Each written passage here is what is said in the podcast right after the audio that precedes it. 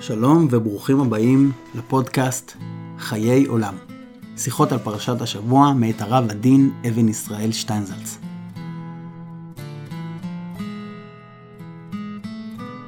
הפודקאסט מופק בסיוע מרכז שטיינזלץ, הם עושים דברים מעניינים וחשובים בתחום הוראת היהדות והפצת המעיינות. אתם יותר מוזמנים להיכנס לקישור המצורף, להתרשם ולהצטרף לפעילות הענפה. תודה שאתם איתנו. האזנה נעימה.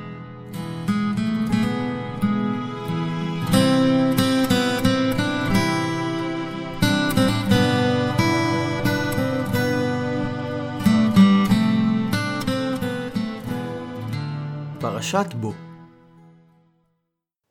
שיאה של פרשת בו הוא מכת בכורות. הפרשה גם מסתיימת בדבר הלכה שקשור אף הוא לבכורות, קדש לי כל בכור. בעבר היה לבכורות מעמד מיוחד. הם זכו לחלק כפול בירושה, ואף כמעט שהיו הכהנים. כיום לא נשאר הרבה ממעמד מיוחד זה. שריד אחרון לכך, אולי אותו מנהג שלפיו כאשר אין לוויים בבית הכנסת, הבכור רוחץ את ידי הכהנים. אך מהו כל עניין הבכורות? האם הבכורות מוצלחים יותר? עובדה ידועה היא שבבהמות אין הדבר כן. הוולדות המוצלחים ביותר הם השניים, ועוד יותר מכך השלישיים. אצל בני האדם לעומת זאת, אין הדבר כה פשוט, ואף בתורה יש לעניין הבכורות פנים שונות ומרובות. בסיפורי התורה נודעת לבכורות חשיבות מועטת בלבד. מפסוקים שונים כגון ראובן בכור יעתה או בני בכורי ישראל, משתמעת העדפה של הבכורות, אך למעשה אנו כל הזמן מוצאים מתח בין הבכור לבין הנבחר. כבר הבכור הראשון של העולם, קין, איננו מצטיין בתכונות תרומיות. אגב, יש מחלוקת בחז"ל, האם אנחנו צאצאי קין או לא. אם כן, הרי שזה מסביר הרבה מן ההיסטוריה האנושית. על כל פנים, גם רובם המכריע של אישי התורה הגדולים, למעט אברהם אבינו, אינם בכורות. יצחק, יוסף, יהודה, משה, דוד, שלמה, והרשימה עוד ארוכה ומרשימה ביותר. מצד שני, בדיני התורה יש העדפה ברורה של הבכור. מלבד הדינים השייכים לבכורות האדם, מייחסת התורה קדושה גם לבכורות בהמה טהורה, שהם קורבנות, ולפטר חמור הנפדה או נערף. גם בתחום אחר של דיני התורה אנו מוצאים מצוות המזכירות מעין צד של בכורה, כגון עומר ראשית הקציר, ביקורי פרי אדמה, תרומה שקרויה גם ראשית, ראשית הגז ועוד.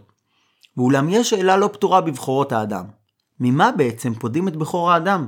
ומה קורה לבכור האדם שלא נפדה? ברור שהוא לא נערף, וגם הכהן אינו לוקח אותו אליו. למעשה לא קורה לו כלום. מהו איפה עניין הבכורות? מה מקומם של הבכורות?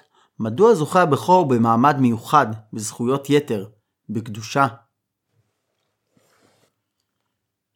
באופן מקיף אפשר לומר שהתשובה נעוצה לא בערכו העצמי של הבכור, אלא בהרגשה, בחיבה המיוחדת הנודעת לדברים שנעשים ראשונה. הפרי הראשון אינו בהכרח המובחר ביותר, אך הקשר אליו הוא העמוק ביותר, והוא שונה מן הקשר לכל מה שבא אחר כך, גם אם אותו דבר אינו תמיד ראוי והגון לכך. אפשר לראות זאת בתוך המציאות. כל יצירה שאדם יוצר מעוררת השתאות, אך התחושות העזות ביותר כרוכות ביצירה הראשונה. על הילד הראשון שנולד בעולם נאמר, קניתי איש את השם. עם השם. לילד השני והשלישי פשוט קראו בשמם, ואחר כך הסתפקו באמירת, ויולד בנים ובנות. האלף הראשונה שכותב ילד אינה בהכרח האלף המוצלחת ביותר, היוצאת מתחת ידיו. אך היא הראשונה. כל אלף שתבוא אחריה, לעולם תהיה רק עוד אלף אחת. ובדומה לזה, נאמר בגמרא, אישה גולם היא, ואינה כורתת ברית, אלא למי שעשה הכלי. וכן הוא גם בדברים הקשים, כגון הפגישה עם מוות ראשון, וכיוצא בזה. כאמור, בכל התחומים הללו, היצירה הראשונה או החוויה הראשונה אינה בהכרח הכי טובה או הכי שלמה. ייחודה הוא בכך שהאדם זוכר אותה באופן מיוחד. בכך שהיא נחרטת באופן שאין דומה לו, שהרי בסופו של דבר לא יכולים להיות שני בכורות. וגם אם הראשון לא יצא מוצלח, כמו ראובן, יתר שאת ויתר עז, עדיין בכור הוא. וכך גם להלכה. בכור השנואה או בכור שהוא ממזר מקבל חלק כפול בירושה, גם אם הבן השני הוא אהוב וכשר. בכך גם מעלתה של הגרסא דינקותא. לכאורה הדבר מנוגד להיגיון, שכן, מה שנלמד בילדות נלמד מתוך טשטוש, ואילו מה שנלמד בבגרות נלמד מתוך הבנה שלמה יותר. אבל במציאות אין זה כך, משום שמה שנקלט כחוויה ראשונית, גם נחרט בחריטה ראשונית.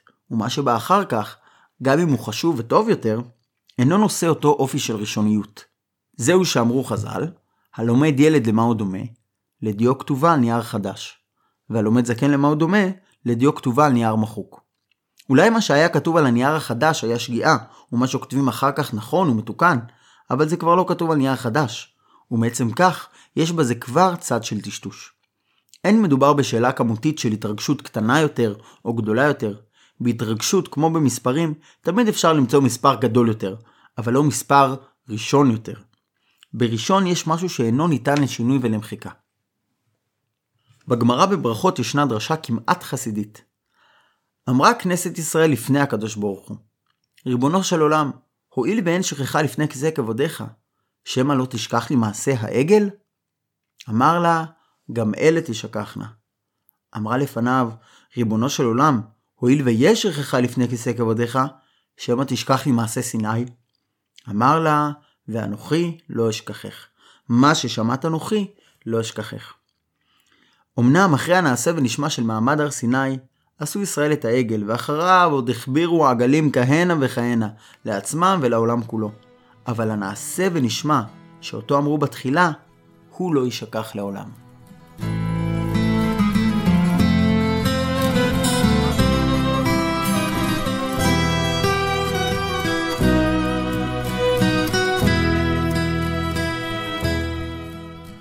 מהות הבכור באה ללמד אותנו על מה שאדם צריך לעשות בחייו. מהם הדברים להם ראוי שייתן את ראשית עונו, את כוחותיו הראשונים. וכפי שמופיע בפרשתנו, על כן אני זובח להשם כל פטר רחם הזכרים וכל בכור בני אפדה. אותם הדברים שיש לנו אליהם את הקשר הנפשי העמוק ביותר, הדברים שגם אי אפשר לחזור עליהם עוד, אלה הדברים אותם יש לתת להשם. ובכל דבר ועניין, על אדם לבחון את עצמו, האם אכן נתן את ראשית ביקורי אדמתו להשם, או שמא למולך, חס ושלום. משום כך, כאשר ילד מתחיל לדבר, מלמדים אותו לומר שמע ישראל. אפשר לשאול מה זה משנה? מה הילד מבין את זה? הוא בטח יבין את זה יותר טוב כשהוא יגדל. ובכל זאת מנסים להביא לכך שהמשפט הראשון, הבכור, יהיה משפט כזה. כי זה מה שנחת בנפש. וכשם שיש ביקורי פרי האדמה, יש גם ראשית המעשים וראשית החלומות. גם בדבר זה, בני האדם הולכים ומשתכללים ככל שהם מתבגרים. וכך גם רצונותיהם וחלומותיהם, ובכל זאת, נודעת משנה חשיבות לחלומותיו הראשונים של האדם. ואולם, יש בדבר בעיה מהותית. מי שנמצא בשלב זה של ראשוניות, לא תמיד מבין את הדבר, ומי שכבר מבין, הרבה פעמים כבר אין באפשרותו לחזור למצב הזה. בצעירותו לא תמיד יודע האדם מה משמעות הדברים שהוא עושה, למה הוא נותן את נשמתו בראשונה. רק אחרי שעוברים את השלב הזה, אפשר להבין כמה טוב יותר ניתן היה לעשות דברים רבים, אלא שאז כבר אי אפשר לעשותם שוב מההתחלה, או באותו אופן של התחלתיות. הדבר הוא כמו תמימות. ברגע שהיא עובדת, הרי שאין להשיבה עוד. התינוק, שכולו ראשוניות, ראשוניותו הולכת ומתמעטת עם הזמן.